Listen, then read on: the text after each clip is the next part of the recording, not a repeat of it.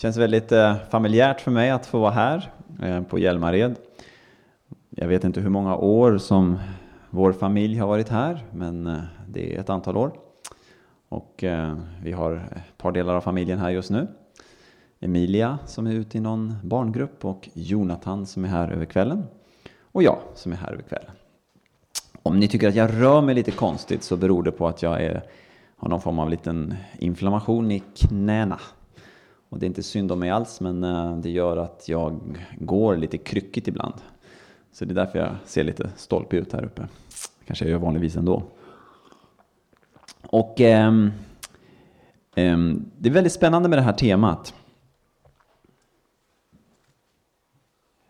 Den här bibeltexten som vi ska börja titta på i Matteus 16 från vers 13. Ehm, det är nämligen så att jag la märke till programmet. Det har gjorts en väldigt fin internetsida om programmet som ni kanske har sett. Och eh, på den internetsidan så förstod jag att det skulle vara flera bibelstudier om det här med att gå upp på berget. Eller hur? Både gå upp på berget, vara på berget och gå ner för berget, Guds berg. Och eh, då så slog det mig när jag eh, tittade på det, att den text vi nu ska få ta del av, det är då precis det som sker innan Jesus tar med sig tre av apostlarna upp på förklaringsberget. Så därför är det ju inte fel att säga att det vi ska titta på nu, det är då förberedelsen för att gå upp på berget. Eh, så det tyckte jag var lite tjusigt. Även om jag förstår att ni kommer säkert beröra mycket mer än bara förklaringsberget så fanns det ändå en liten tråd där, tycker jag var lite gott. Och eh, jag tror jag gör så här att jag läser helt enkelt ehm, och jag börjar i Matteus 16 från vers 13. Det står så här. Då Jesus kom till trakten av Caesarea Filippi frågade han sina lärjungar. Vem säger folket att Människosonen är? De svarade. Somliga säger Johannes döparen, andra Elia och andra Jeremia eller någon av profeterna. Hör ni mig bra förresten? Det är bra. Så får ni säga till om jag talar för fort. För jag brukar tala fort och sen öka tempot. Okej, okay? jag tycker om att tala fort. Jag kan väl också få leda oss i bön innan vi går vidare. Tackar dig Fader för den här kvällen. Tackar dig för ditt ord. Tackar dig för att du själv har valt att bli människa. Att du faktiskt fortfarande är det. Tackar dig för att du den här kvällen vill öppna ditt ord för oss. Därför ber jag dig Far att du sänder din heliga Ande eh, in i våra hjärtan som får öppna upp bibelordet. Tackar dig för att du är suverän att tala till var och en av oss exakt det som just jag behöver höra. Därför ber vi dig, Fader, i Jesu namn, att du skulle göra just det ikväll. Att du skulle tala eh, en hälsning från himlen till varenda en av oss. Du ser att vi behöver det så väl. Det ber vi till dig, Far, i vår Herres Jesu Kristi välsignade namn. Amen. Det första jag vill lyfta upp här då, det är då Jesus kom till trakten av Caesarea Filippi. Det är så här att Jesus han kallade apostlar. Och eh, apostlarna kallades in i en mycket omvälvande tillvaro. Eh, där man inte bara satt med Jesus under ett lektionspass per dag och fick lite teoretisk kunskap. Utan det var ju att dela livet med Jesus 24 timmar om dygnet. Till råga på allt så kallades de in i Jesu liv exakt vid den tidpunkten då, då han exploderade inför världen med, med att förkunna som ingen annan, eh, med att göra tecken och under bland tusentals människor och eh, där eh, människor uppväcktes från de döda. Och det står i texten att det var så mycket folk som samlades kring Jesus att de ibland inte ens hade tid att äta. Och eh, det här innebar ju för apostlarna en enormt intensiv tillvaro. Och så måste vi också komma ihåg att de hade inte skrivit in i sina filofaxer att de skulle bli Jesu lärjungar. Det innebar att, att, att bara bli kallad av Jesus kom som en chock för dem. Och nu har de umgåtts med Jesus då i flera år. Eh, och de har naturligtvis rört sig lite fram och tillbaka i landet. Men så står det här att Jesus tog med sig dem till trakten av Caesarea Filippi. Och det här var ett område norr om Genesarets sjö. Eh, idag ligger det uppe vid, vid eh, norra Israel kan man säga. Och eh, det här var ett lugnare område med en lugnare regent, kung Filippos. Vilket innebar att eh, det fanns en möjlighet här för ett större lugn. Och eh, det vi nog kan då slå fast här är att Jesus tar med sig sina apostlar på en fördjupningsresa. På en fördjupningsresa. Och han är en mästerlig pedagog, Jesus. Och det står på ett annat ställe att han, han tog upp det han nu tar upp när de vandrade på vägen. Och jag kommer ihåg när jag var konfirmandpräst, där jag varit i lite olika former. Och så skulle jag ha sådana här personliga samtal med, med konfirmanderna. Och de hade redan haft läger ett par veckor och de kände egentligen inte mig. Men, men vi var tvungna att lära känna varandra lite grann inför konfirmationen. Och jag hade en vecka tillsammans med dem. Och, och, då kände jag att ska jag liksom ha ett personligt samtal med dem nu och liksom bara sitta mitt emot varandra så kan det lätt bli lite stelt. Men, men då fick jag en liten idé hämtad från evangelierna och det var att, att gå ut och gå med dem. Så vi tog en liten promenad först innan vi satte oss ner vid en liten bäck och började pratas vid. Uh, och, och, Jesus är en mästerlig pedagog här. Han, han, går ut på en liten vandring med apostlarna. Han tar dem till en annan miljö. Ett miljöombyte där det dessutom är större lugn och större möjlighet att fokusera på det han nu vill tala ut väldigt personligt i deras liv. Och då kan vi ta och börja fundera på om vi är här av en slump. Eller om det är så här att vi är här, du är här, för att Gud själv har velat kalla hit dig. Och det här miljöombytet, att befinna sig i en sån här miljö, som inte är de flesta av oss vanliga miljö, att inte behöva laga sin mat själv, eh, att ha en lite större möjlighet att liksom fokusera på eh, gemenskap, glädje, vila, eh, men också vad Gud vill tala ut i ditt liv. Det var precis det läget som apostlarna var i när eh, Jesus då talar ut det som sen kommer att hända här. Och så står det då, Jesus frågar sina lärjungar, vem säger folket att Människosonen är? Och Det här är ju en objektiv fråga. Det här är en fråga där, där, det är väldigt lätt att komma med ett svar, där, där man inte själv personligt behöver engagera sig och ha en åsikt. Utan här handlar det bara om att objektivt liksom tala om att ja, men den har den idén och den har den idén och den har den idén. Och det är ganska intressant att det står så här va. Jesus säger, vem säger folket att Människosonen är? Och så står det, det svarade. Det svarade. Alltså nu var det många som svarade. Nu var det lätt att svara. Så det var många som, som kom med ett förslag, för det här var objektivt. Det är ungefär lite grann som i, när vi samtalar med varandra. Va? Så väljer vi ju alltid vilken nivå vi vill lägga oss på. Och om vi väljer att lägga oss på samma nivå så blir det ganska enkelt. Eller hur? Vi väljer båda att lägga oss på nivån morsning, korsning, värdet är fint. Ja, då är vi överens om det. Och då ligger vi på den nivån och vi har liksom bestämt oss för det. Och det är inget fel i det. Eller hur? Ja, jag tycker det är jättehärligt att prata om vädret. Och fotboll tycker jag är jätteskönt att prata om jättelänge. Det är en slags vila för mitt psyke. Jag älskar att tala idrott. Jätteskönt och jag vet att människor brinner för det som jag och en del gör inte det och då slutar vi det samtalsämnet.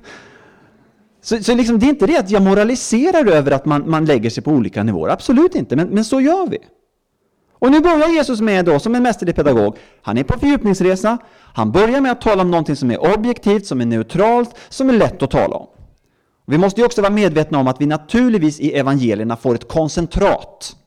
Vi måste alltid förstå det. va? Att det är som, som det står i Johannes evangeliet att om vi skulle berätta om allt som Jesus gjorde så skulle inte alla världens böcker räcka till.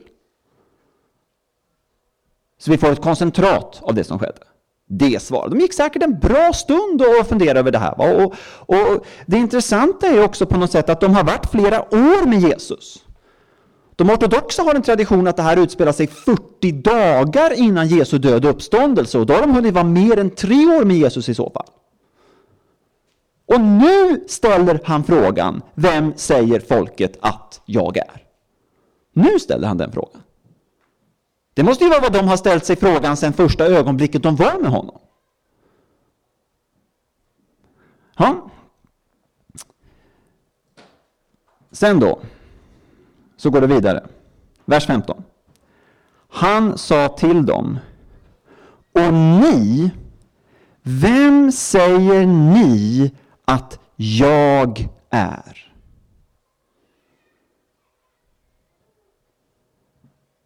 Och här inbillar jag mig att, att, att gruppen stannar upp för ett ögonblick. Det vet jag ju inte, men, men jag inbillar mig det. Och att Jesus vänder sig om och han tittar på dessa apostlar. Vilket gäng va? Eller? Petrus, eldfängd, vill alltid stå längst fram.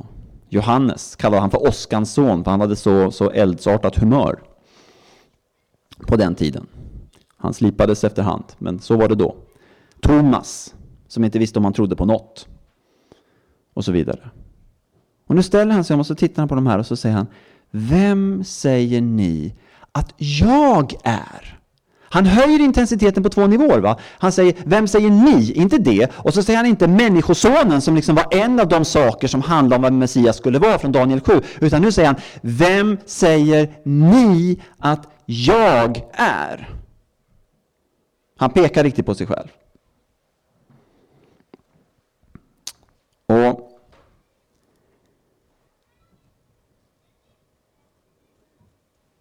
Jag tycker det är intressant det här att han frågar.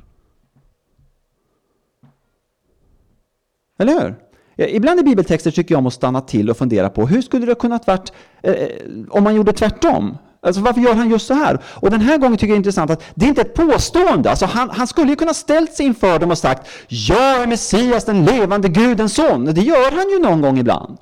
Inte så ofta för att det var väldigt laddat politiskt att säga det, så han fick ligga lågt med det fram till sista veckan i princip. Men, men, men han hade kunnat göra det. Jag menar, på ett sätt gjorde han det sen, för han bekräftar ju det här för apostlarna att han var den de sa att han var. Men han väljer att fråga. Varför väljer han att fråga?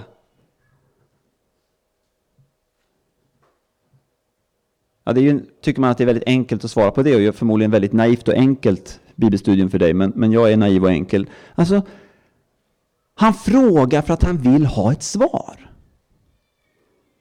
Han frågar för att han, han, han, är, alltså, han är intresserad av vad du kommer att svara. Annars skulle han ju inte ställa frågan. Och ställde han frågan till apostlarna så är det väl ganska logiskt att han ställer frågan till dig och mig. Vem säger du att jag är? Och då kan vi ju naturligtvis tänka i flera olika dimensioner. En del av oss kanske är här och brottas med tron. Största respekt för dig, det gjorde jag i många år av mitt liv. Eh, du vet liksom inte ens om, om, om, du tror att Jesus är Messias eller inte och du brottas i det. Många av oss tror att Jesus är Messias och det har vi gjort många år. Och då kan man tycka så att jo, men det är ju en lätt fråga att svara på. Det är liksom bara att säga jo, jag tror och så rätt svar. Va? Men, men man kan ju fördjupa det här betydligt, eller hur? Alltså, hur ser du på Jesus just nu? Vem är Jesus i ditt liv? Var är Jesus i ditt liv?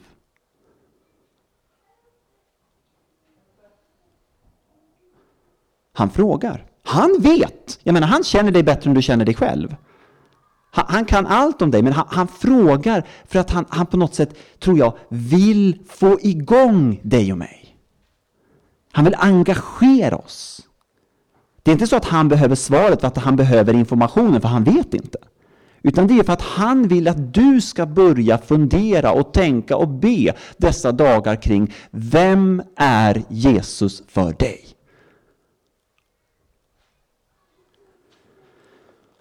Och det intressanta här om vi går vidare i texten, det är ju då att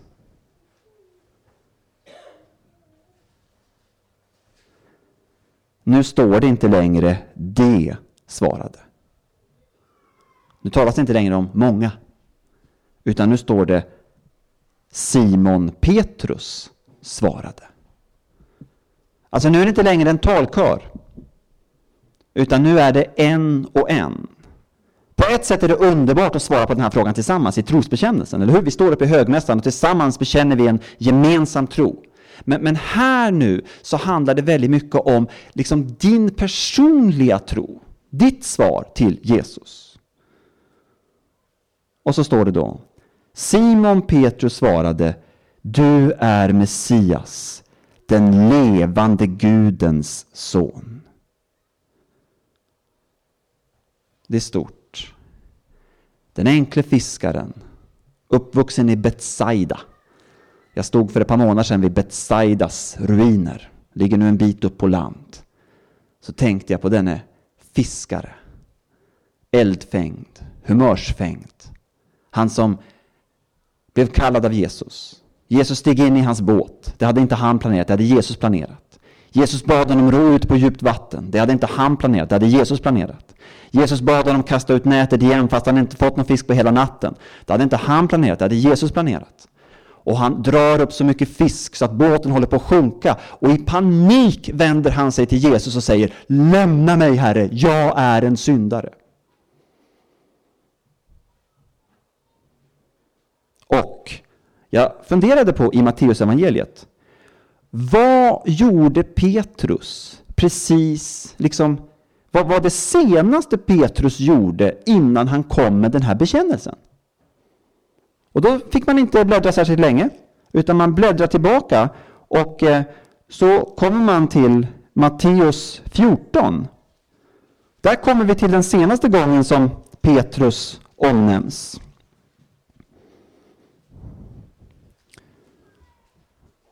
Och eh, vad händer där? Jo, det är storm. Och de har panik. Vid fjärde nattväkten, Matteus 14.25, kom Jesus till dem gående på sjön. När lärjungarna fick se honom gå på sjön blev de förskräckta och sa, det är en vålnad, och de skrek, så rädda var de. Men genast sa Jesus till dem, var lugna, det är jag, var inte rädda. Petrus sa, Herre om det är du så befall att jag ska komma till dig på vattnet. Jesus sa, kom. Petrus steg ur båten och gick på vattnet fram till honom. Men när han såg hur häftigt vinden låg på blev han rädd och började sjunka. Då ropade han, Herre hjälp mig! Genast räckte Jesus ut handen och grep tag i honom och sa, så lite tro du har, varför tvivlade du? De steg i båten och vinden la sig.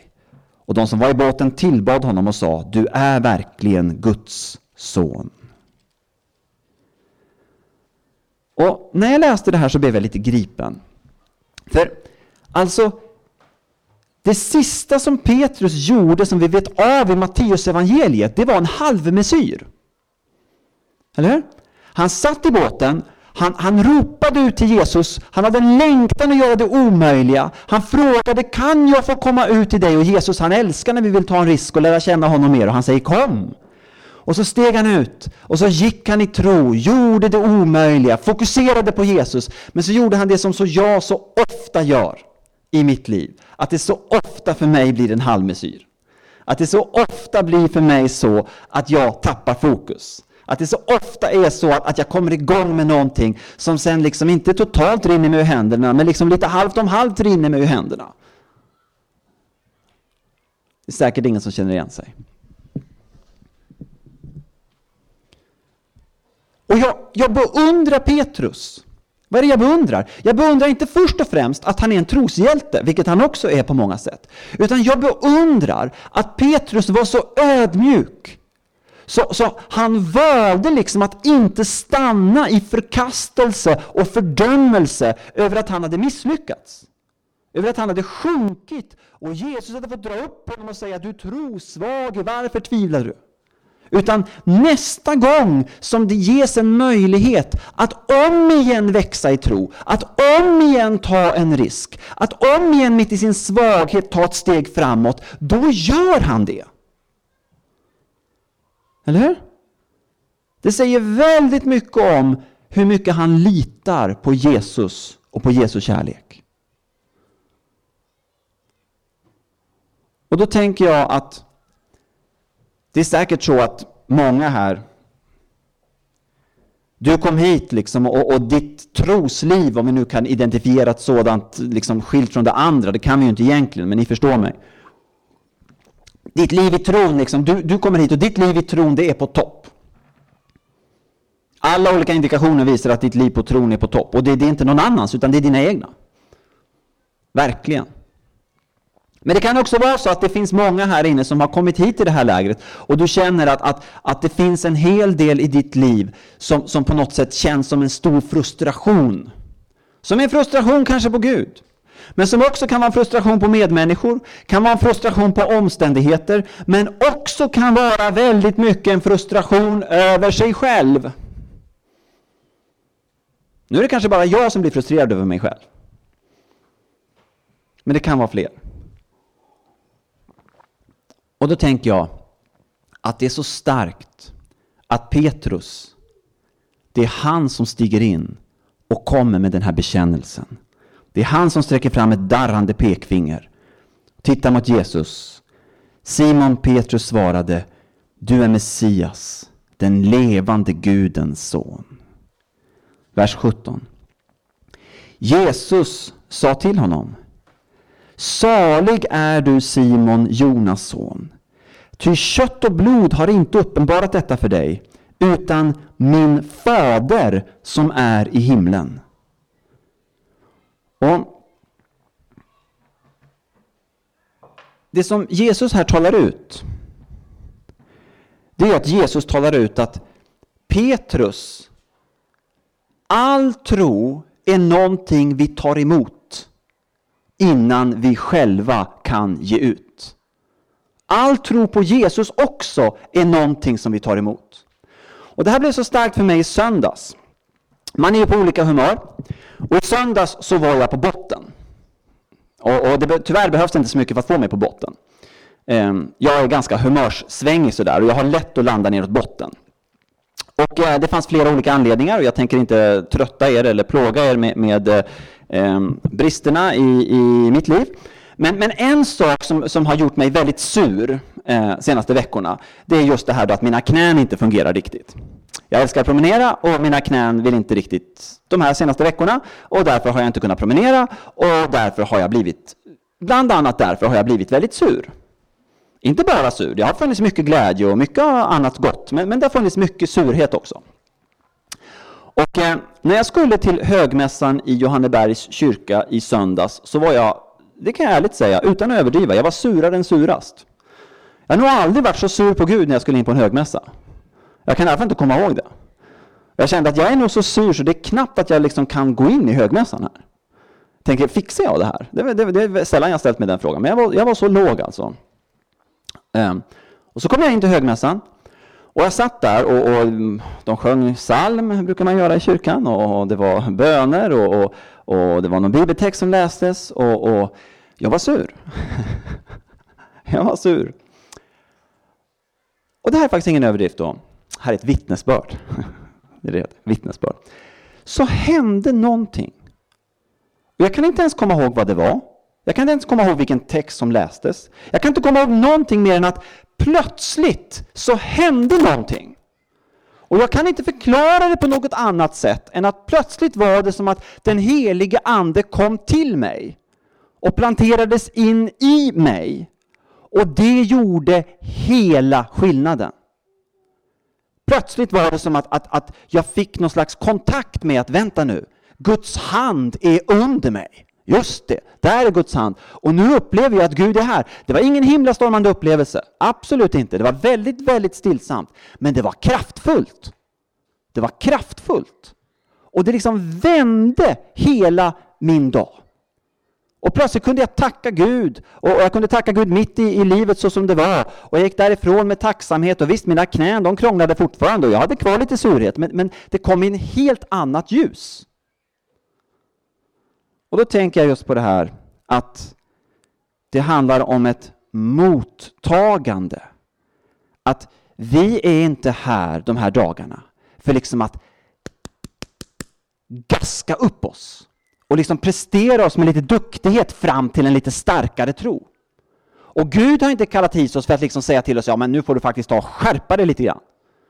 Utan det vi är här för, det som jag känner mer och mer i mitt liv varenda dag, det är att vi är här för att vi längtar efter att Gud ska komma med sin nåd, med sin närvaro och, och på något sätt föda någonting i vårt innersta.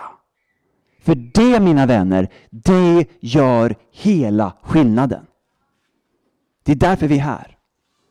Och, och, och, En sak jag bara känner att jag skulle vilja påminna dig om, det är att ett av, ett av uttrycken för den heliga Ande, ett av sätten som den heliga Ande arbetar på, det är att den heliga Ande ger oss längtan. Längtan. Det är liksom den heliga Andes sätt att dra oss närmare Gud. Och David skriver ju i Psaltaren att han längtar efter Gud. Och upplever vi att vi är som i en öken, upplever vi att det är torrt, upplever vi att vi har en djup längtan, så tror jag att det beror på och är ett tecken på att den helige Ande redan är verksam i ditt liv och liksom kallar dig att öppna upp dig inför den treenige med din längtan. Sträcka ut dina armar och, och, och bara tala ut till Gud, kom och fyll mig. Det blir väldigt nåderikt då också.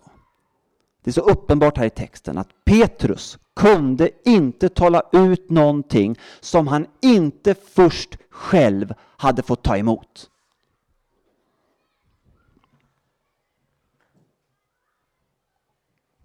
Är ni vakna?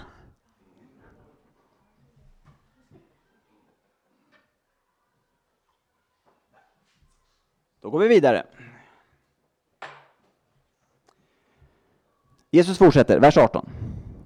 Jag säger dig, du är Petrus och på denna klippa ska jag bygga min församling och helvetets portar skall inte få makt över den.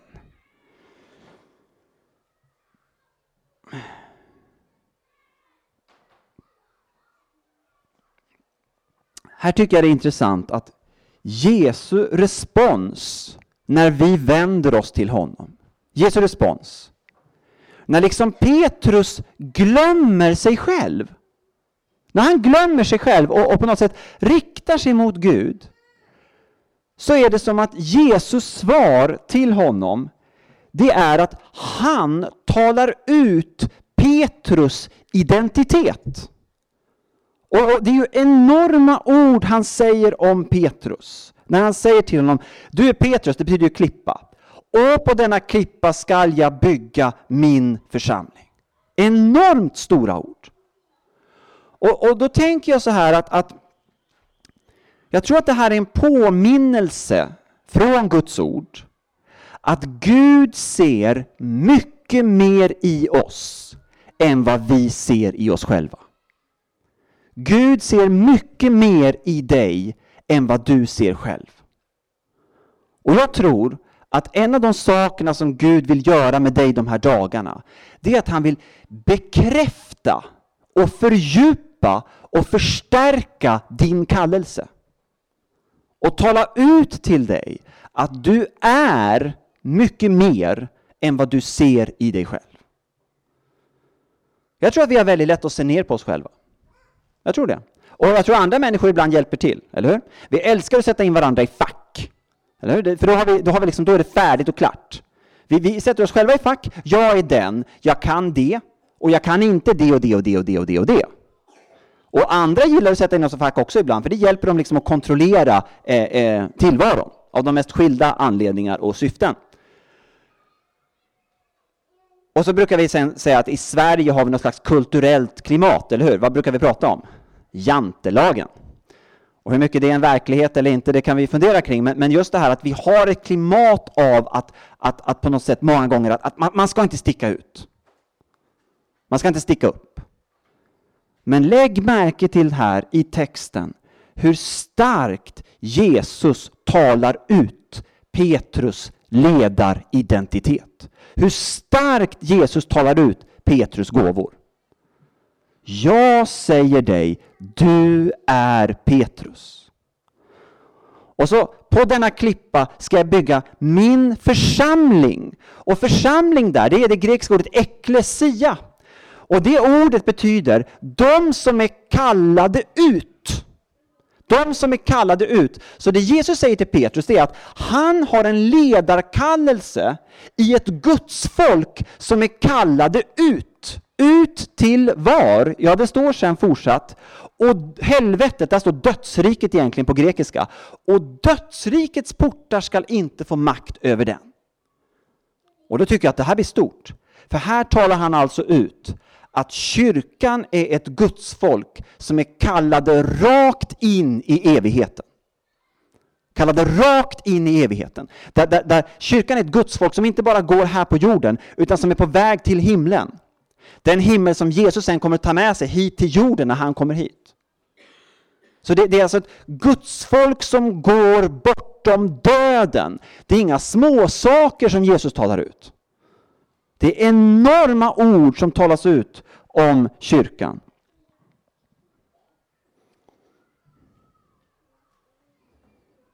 Det intressanta är att han säger förmodligen det här uppe i Caesarea Filippi. Än idag så kan man i Caesarea Filippi, några som har varit där? Yes, känner igen några av resenärerna också när vi har varit på pilgrimsresa.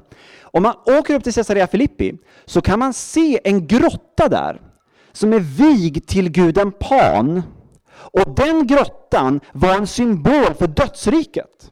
Så in i den grottan kunde man slänga offerdjur och så liksom offrar man dem till döden. Ganska sådär halvmysigt kan vi säga, inte så jättetrevligt. Och nu står Jesus kanske just vid den grottan och talar ut att det gudsfolk de tillhör, när man följer efter Jesus, så har man del i ett gudsfolk som går genom döden till evigt liv. Så fortsätter han vers 19. Nej, en sak till. En sak till. Och på denna klippa skall jag bygga min församling, min eklesia. Och det tycker jag också vi ska stanna upp och notera. Alltså att Jesus säger att det han ska göra är att han på oss tillsammans så ska han bygga sin församling. Um, och när jag skulle börja min tjänst för Oasrörelsen 2001 ni vet, inspiratör, det är en sån här titel som kan knäcka vem som helst. Man tittar sig i spegeln en måndagkväll. tänker man är inspiratör. Eh, men det har varit en spännande resa. Eh, och ett ord som jag upplevde väldigt starkt brann i mitt hjärta precis när jag skulle börja min tjänst. Det var ungefär som att Gud sa så här, Hans, nu kommer det bli åka av. Nu kommer det bli åka av. Eh, vi, vi skulle få förbön, jag och Berit, det var ganska roligt. Vi skulle få förbön av, av, några från New Wine i England eh, som var nere i, i Köpenhamn, som var väldigt eh, erkända för att de har en profetisk gåva. Och vi åkte ner till Köpenhamn och de skulle be för oss. Vi skulle precis börja jobba för oss. Och så steg vi in i, i rummet där de skulle be för oss. Och vi hann knappt sätta oss i stolen. Eh, så talar en av kvinnorna ut. Eh, när jag ser er så ser jag en gigantisk berg och dalbana. Och jag ser liksom hur den här kommer gå väldigt snabbt upp och väldigt snabbt ner, men ni kan vara helt lugna för det är liksom helt säkert. Det känner man sig väldigt lugnad av. Och det är verkligen så som det har varit. Det var en väldigt träffsäker beskrivning. Det har varit en sju särdeles berg kan jag säga. Men ett ord som, som, mest på gott, absolut. Men ett ord som liksom ringde i mitt innersta när, när den här tjänsten skulle börja, det var just det här ordet. Alltså som han talar ut till varenda en av oss. När vi vill följa honom. På dig ska jag bygga min kyrka. Min. Min. Det är väldigt, väldigt lätt för mig, och kanske för dig också, att vi istället tänker att ja visst, vi ska bygga vårt. Jesus ska vara med, men det, det, det, det är liksom vår grej. Det är väldigt, väldigt lätt. Och det syns väldigt, väldigt mycket. Eh, Paulus skriver till församlingen i Filippi. Han skriver så här, och då talar han om kristna. Så skriver han så här. Och ni vet hur man brukar säga, va? att Guds ord ska få varna, trösta, lära och förmana. Mycket tröst, mycket att vi lär oss, mycket uppmuntran. Förmaning betyder egentligen uppmuntran. Men kanske också en varning ibland. Och då är det just så att eh, det här ordet eh, min Paulus skriver i Filipperbrevet alla tänker bara på sitt. Ingen tänker på, och så står det i svenska översättningen, Jesu Kristi sak. Men på grekiska står det egentligen bara ett ord, det står så här. Alla tänker bara på sitt. Ingen tänker på hoc alltså ingen tänker på Kristi sak. Och då pratar ändå Paulus, ni vet, om kristna i urkyrkan. Då talar han just om det att, att, att, i något läge där så upplevde han liksom att människor, även kristna, de var så enormt självupptagna. Det handlade så enormt mycket om, om deras projekt för Gud, deras tjänst för Gud, eller, eller deras liv inför Gud. Men, men det fanns inte så mycket av det här perspektivet att, att det var Jesus som skulle bygga hans kyrka på mig och dig. På dig ska jag bygga min kyrka.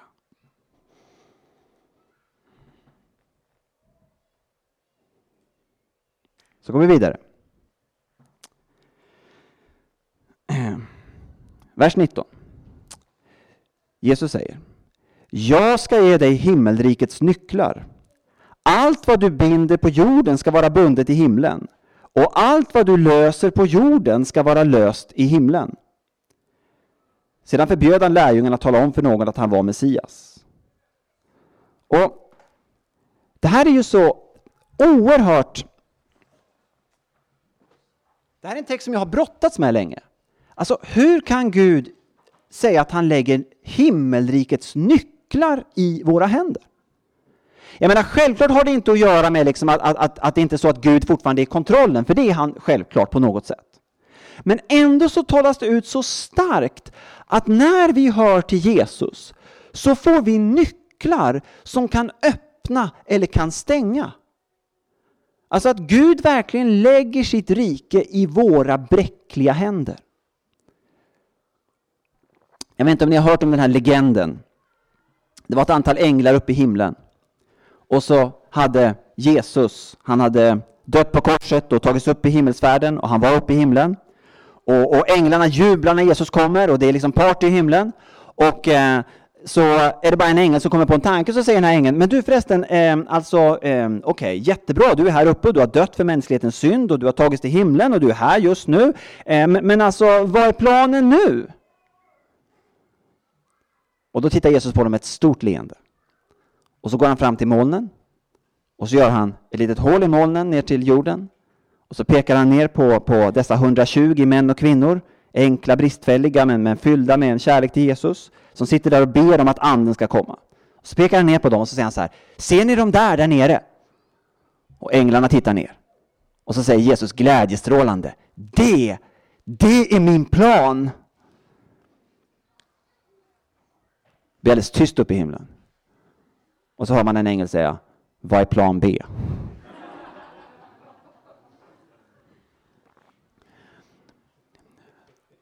Och det, svaret är kanske här va, att, att Gud har inte en plan B. Utan han har valt, han väljer att lägga sitt rike i enkla, bristfälliga, Jesuslängtande människors händer som du och jag, som går på vattnet ibland och ibland sjunker. Och vi har nycklar att öppna eller stänga. Och det här, det här är, är ju något vi inte ska prata om länge, men bara, bara, jag tycker att det är så bra att fokusera på det här ibland. Att vänta nu, just det, jag har nycklar för andra människor. Jag kan välja i samtal, i kontakt med andra människor att liksom bereda vägen för Jesus. Jag kan öppna eller jag kan stänga.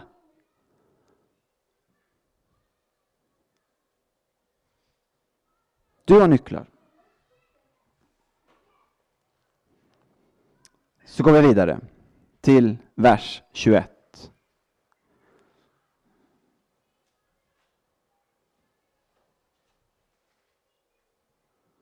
Orkar ni lite till? Um, och när vi nu kommer vidare så måste vi också komma ihåg det här va? att, att jag menar, hur reagerade apostlarna? Ja, förmodligen så blev de ganska upprymda. Inte minst Petrus. Han måste ha blivit enormt upprymd. Jag menar att få höra att Jesus verkligen bekräftar att han är Messias, den levande Gudens son, och dessutom få uttalat över sig att man liksom är klippan, att, att man ska vara, tillhöra ledaren för detta. Och judarna hade ju den här förväntan som egentligen är biblisk, att det, det skulle grundas ett rike, ett fridsrike här på jorden, att Gud hade massvis av löften, inte minst i det judiska folket. Så man kan tänka sig att, att liksom i sann rabbinsk anda så, så tänkte ju eh, Petrus och gänget att nu händer det. Alltså nu proklamerar Jesus att han är Messias för judarna, för hela världen. Och, och de satt där och, och, förstod någonstans att de var indragna i den närmaste kretsen kring Jesus. De var indragna i den närmaste kretsen kring Jesus och jag tror det var minst sagt upphetsande. Här kände de han som uppväckte döda, gick på vattnet, han som nu hade bekräftat att han var Messias. Och så fortsätter samtalet så här. Från den tiden började Jesus förklara för sina lärjungar att han måste gå till Jerusalem och lida mycket genom de äldste och de överste prästerna och de skriftlärda och att han måste dödas och på tredje dagen uppväckas. Då tog Petrus honom åt sidan och började motsäga honom. Gud är nådig mot dig, Herre. Detta ska aldrig hända dig. Men Jesus vände sig om och sa till Petrus. Gå bort ifrån mig, Satan. Du vill få mig på fall. Vad du tänker är inte Guds tankar utan människotankar.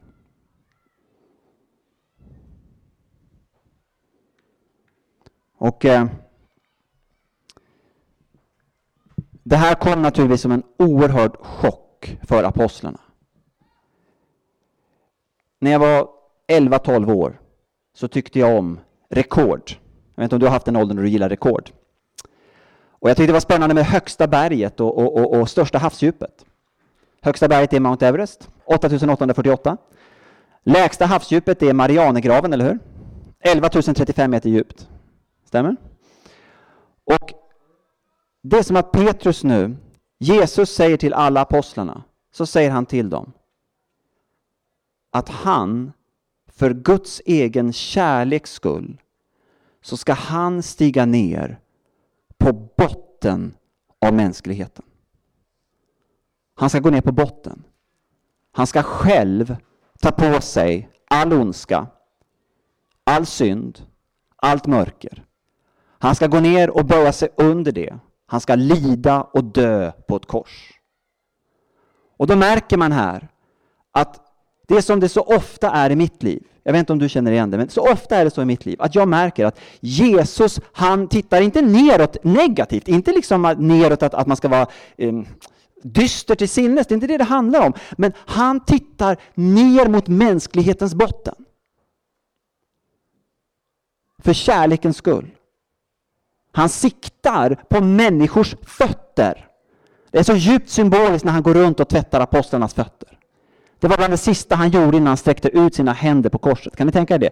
Gud och människa på samma gång tvättar människors fötter.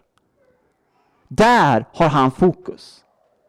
Medan jag, väldigt mycket i mitt liv, det är säkert ingen som känner igen sig, men jag väldigt mycket i mitt liv, jag gillar att ha fokus uppåt. Uppåt.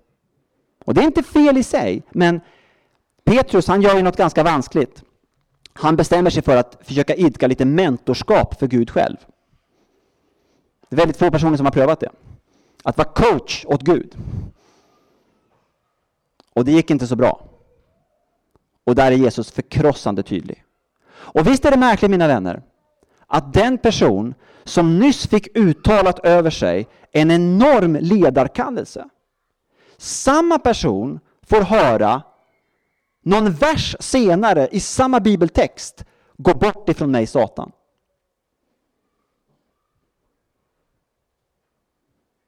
Det hade varit mycket bekvämare att inte läsa den texten för er. Absolut.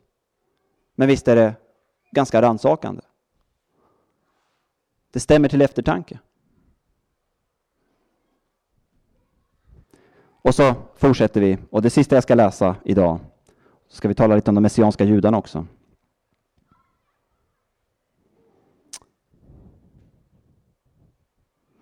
Tjohej! Söker vi igen. Så här står det. Jesus sa till sina lärjungar. Om någon vill följa mig ska han förneka sig själv och ta sitt kors på sig och följa mig. Den som vill bevara sitt liv ska mista det. Men den som mister sitt liv för min skull, han ska vinna det.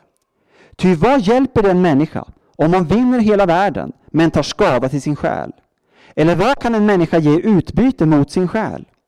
Människosonen ska komma i sin faders härlighet med sina änglar Och då ska han löna var och en efter hans gärningar. Och eh, nu kommer en fråga till dig. Och en fråga till mig. Egentligen varje dag. Men den kommer nu från Guds ord. Jag tror faktiskt den kommer till dig. Han säger så här. Om någon vill följa mig. Och på grekiskan står det så här. Om någon vill komma bakom mig. Komma bakom mig. Jag har en man jag känner som är väldigt, för mig har varit en, en, kanske den viktigaste personen när det gäller Jesus i mitt liv. Han heter Bo Brander och är präst. En del av er känner kanske till honom. Jag glömmer aldrig när jag träffade honom första gången, 1988. Jag hade varit i USA och hållit på med teater. Och, och, och, det var någon som tyckte att jag borde gå en bibelskola. Och jag hade fått en prästkallelse, men jag kunde ingenting om Bibeln. Jag kände att det skulle nog vara lämpligt. Men jag hade ärligt talat skräck inför det. För jag var van liksom vid teaterlivet i USA och, och, och läsa Bibeln, det, det, jag hade inte kommit in jag hade inte förstått det. Jag liksom var kristen och trodde på Jesus, men jag hade inte alls fått koll på det här med att läsa Bibeln. Jag tyckte det lät lite sådär halv, halvroligt. Eh, inte alls kanske, men, men så förstod jag att jag måste nog det här. Och så kom jag ner till Växjö. Glömmer aldrig det, när jag träffade Bosse första gången. Han stod och rökte bakom kapellet i Växjö. Och så tittade han på mig och han är inte perfekt, absolut inte. Han behöver Guds förlåtelse varje dag som du och jag. Men, men han bara tittade på mig, det var så mycket Jesus över honom. Va? Så såg han på mig, det kändes som att det var Jesus själv som tittade på mig och sa hej. Det hade ju många människor sagt till mig, men det var på något annat sätt. Va? Djupt. Och ni vet, från det ögonblicket, vad föddes i mig? Jo, från det ögonblicket föddes i mig en enormt djup längtan att gå bakom Bosse. Och jag funderade aldrig på liksom om han ville att jag skulle gå bakom honom. Det var liksom aldrig ett alternativ för mig. Har han lust med det här? Vill han att jag knackar på honom klockan 11 på kvällen? Ja, det vill han säkert, för jag liksom känner att det är bara så härligt att vara med honom. Va? Så liksom om Bosse gick där så kunde man snart säga att snart gick jag liksom en meter efter Bosse, men jag bara fick chansen. Och ställde alla olika frågor, men det viktigaste var inte frågorna, det viktigaste var bara att vara med honom. Va? Få hänga med Bosse, liksom. få vara med Bosse. Det var stort. Är ni med? Jesus Kristus är till och med mer än Bo Brander. Så är det. Nej men, och han säger nu va, han tittar på oss med Guds egen kärlek. Och det är en kärleksinbjudan. Alltså- det, är inte, det är inte en hård, kall, eh, kravfylld utmaning där han säger någonting liksom mest för att du, du, du ska på något sätt förstå att det här kommer du inte klara för så from är du inte.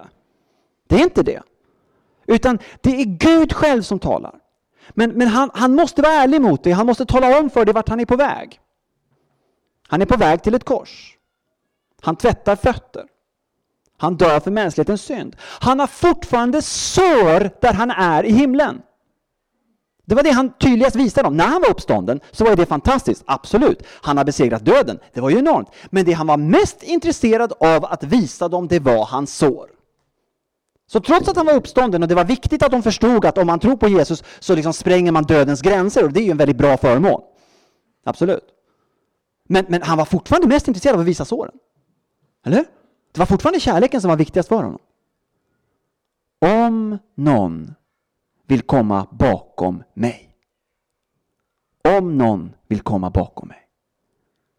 Och det är frågan för första gången eller för tiotusende gången från Jesus till dig denna kväll. Vill du komma bakom honom? Vill du gå bakom honom? Och vet du vad? Den frågan kan man inte svara på som kollektiv. Utan det är en väldigt, väldigt, väldigt personlig fråga till just dig.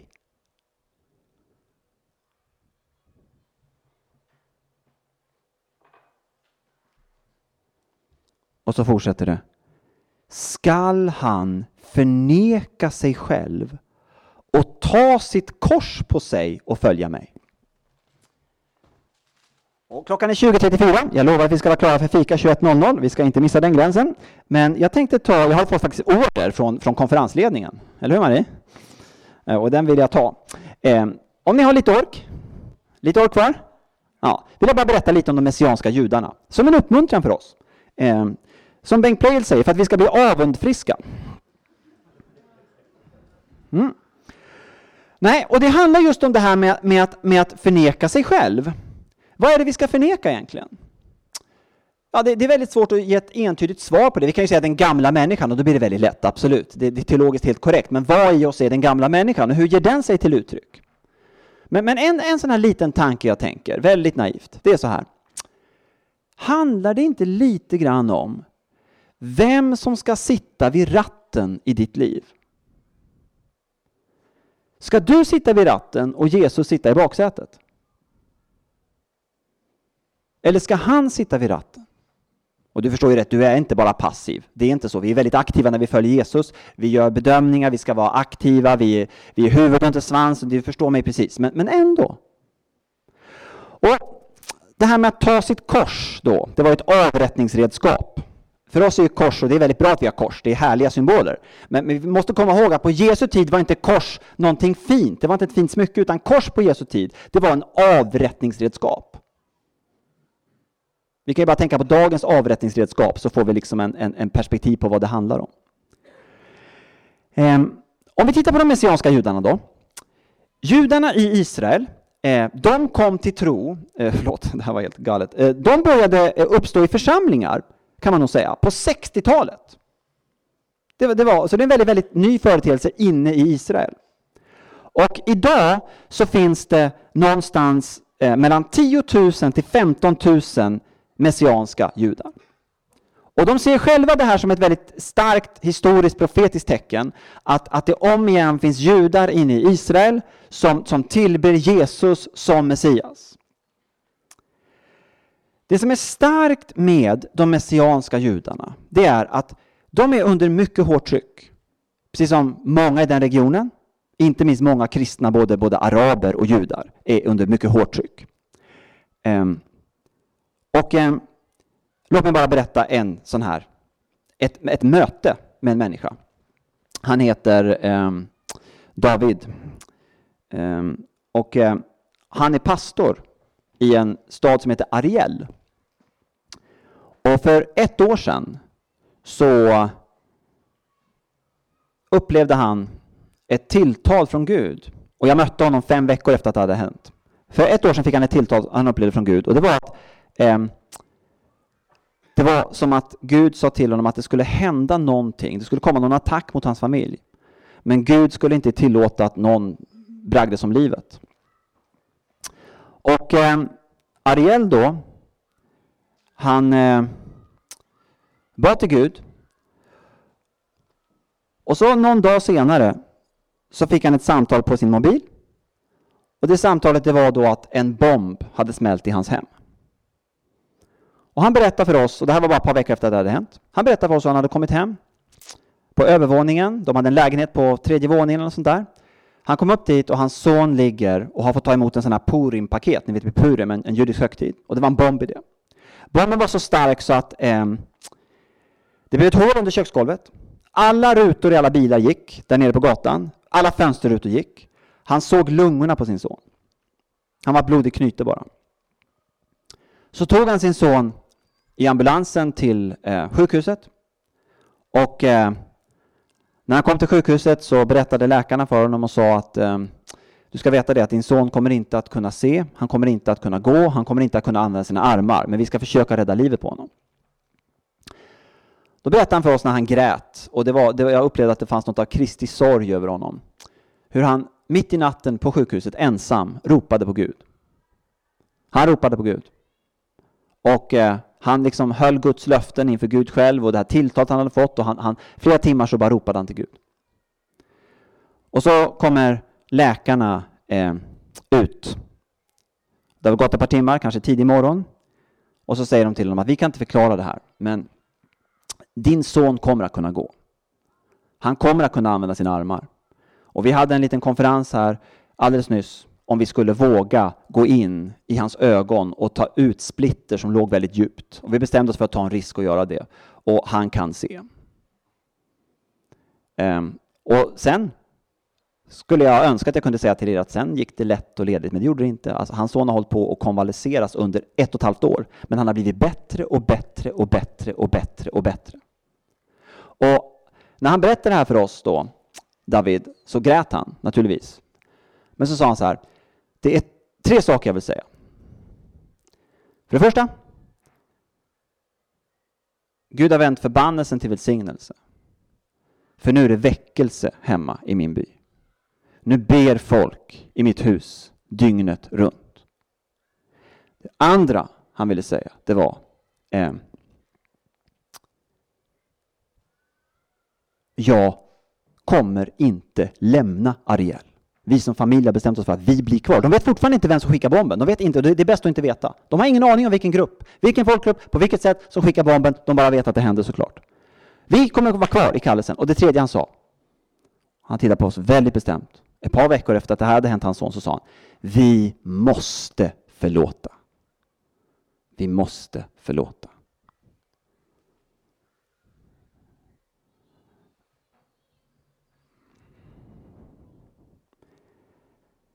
Så en sak man kan säga om de messianska judarna nere i Israel är att de lever i försoning.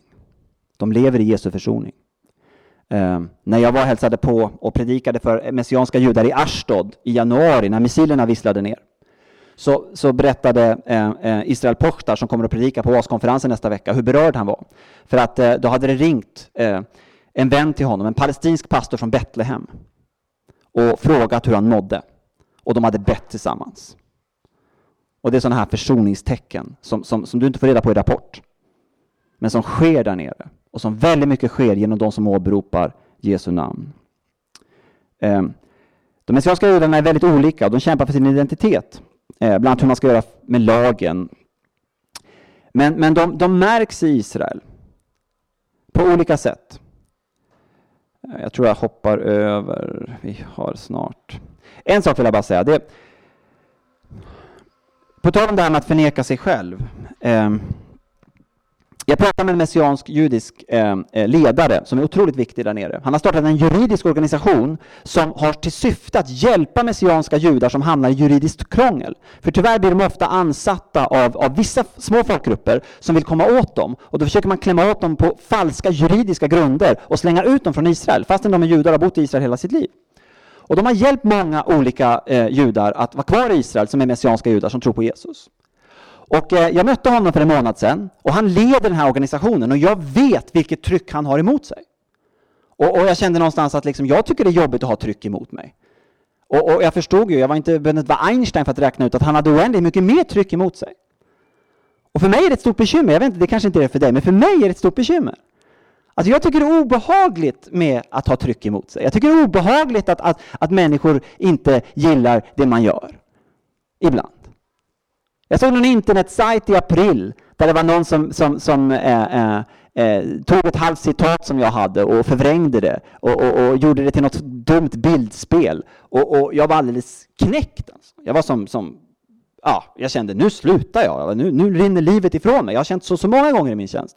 Um, och, och, så sen, sen, tänkte jag att jag, jag, ska be ändå, jag försöka be och jag har väldigt svårt att be när sånt där händer, men jag försökte ändå. Och då blev det en tydlig maning från Gud och det var som att Guds ande sa Hans, det är bönegrupp ikväll, gå till bönegruppen. Och så kom jag till bönegruppen och så fick de be för mig och det var liksom, vände det för mig. Eh, men jag var, jag, på grund av det, jag var inte, skulle inte vittna om mig utan vittna om honom då. Så därför vill jag fråga honom på något sätt, hur hur klarar du av det här trycket? Hur, liksom, är det inte så att du blir ansatt när du har det här jobbet och, och hjälper till eh, Jesus troende judar? Och då så sa han till mig så här bara, eh, ja, sa han, eh,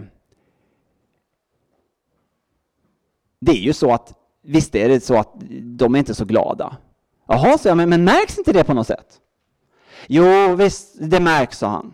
Och, och, han var inte förträngande, alltså det var inte så att han förträngde att det var jobbigt. Det, det var inte den typen alls. Utan han talade om det så. Jo, så han, visst är det jobbigt. Alltså ganska ofta, eller ofta, men, men, men, men både nu och då när jag kommer ner till min bil så har de ju skurit sönder däcken. Och det är klart, det är inte så roligt, sa han.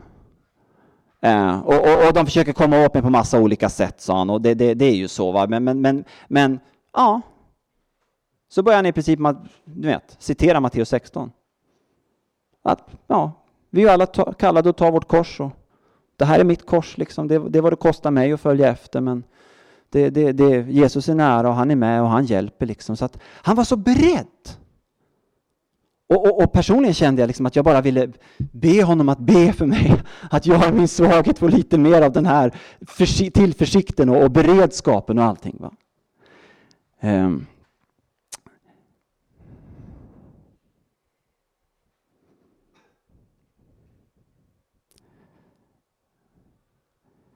Så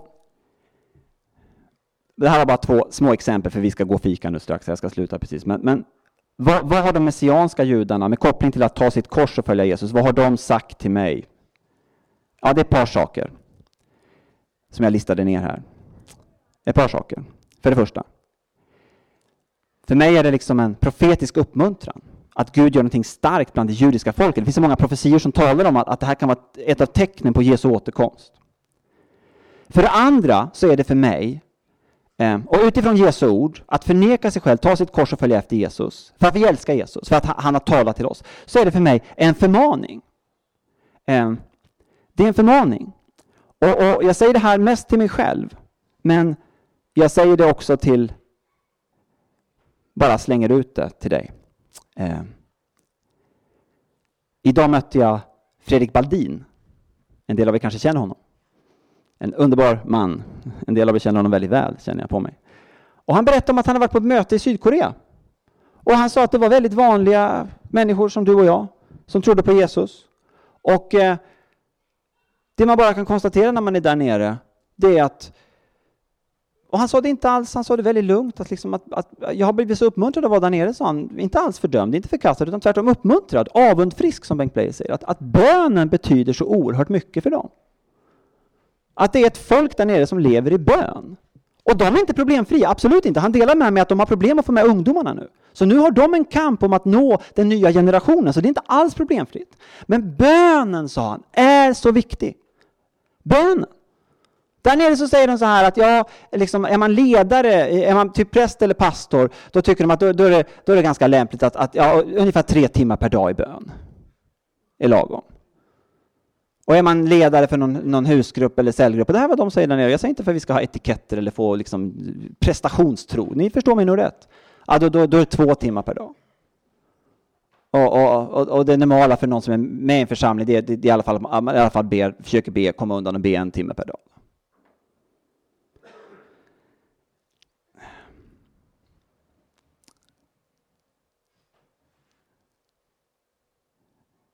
Alltså, det sista jag vill säga här, och det här säger jag eh, till mig själv mest, men jag delar också med er utifrån Jesu ord. Jag menar, jag skulle kunna göra allt här för att göra Jesu ord lite mer bekväma. Det är det vi så ofta lägger så mycket energi på, att göra Jesu ord lite mer bekväma. Men, men låt mig ställa en fråga till dig som jag tror kanske kommer från Jesu hjärta. Och den kommer definitivt till mig. Kanske kommer den till dig också. Det är en fråga. Har vi blivit för ljumma och bekväma?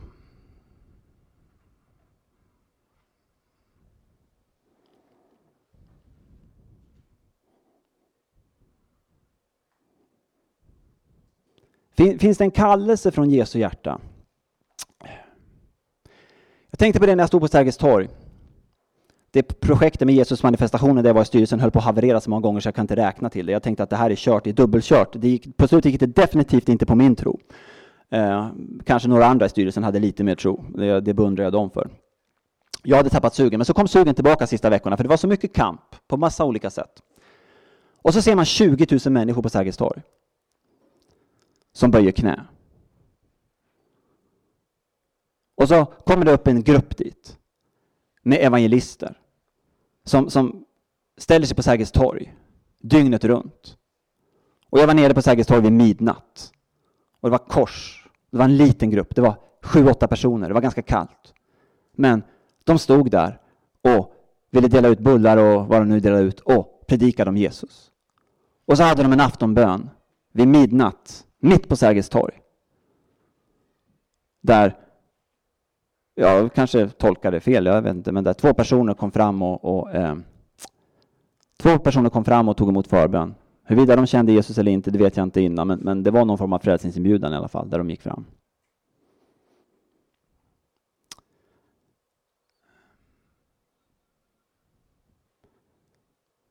Kanske ett ord från Guds hjärta till dig och mig bara. Om någon vill komma bakom mig. Om någon vill komma bakom mig.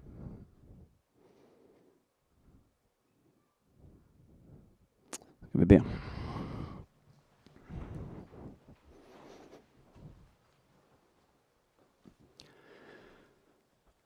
Fader, jag tackar dig för den här kvällen.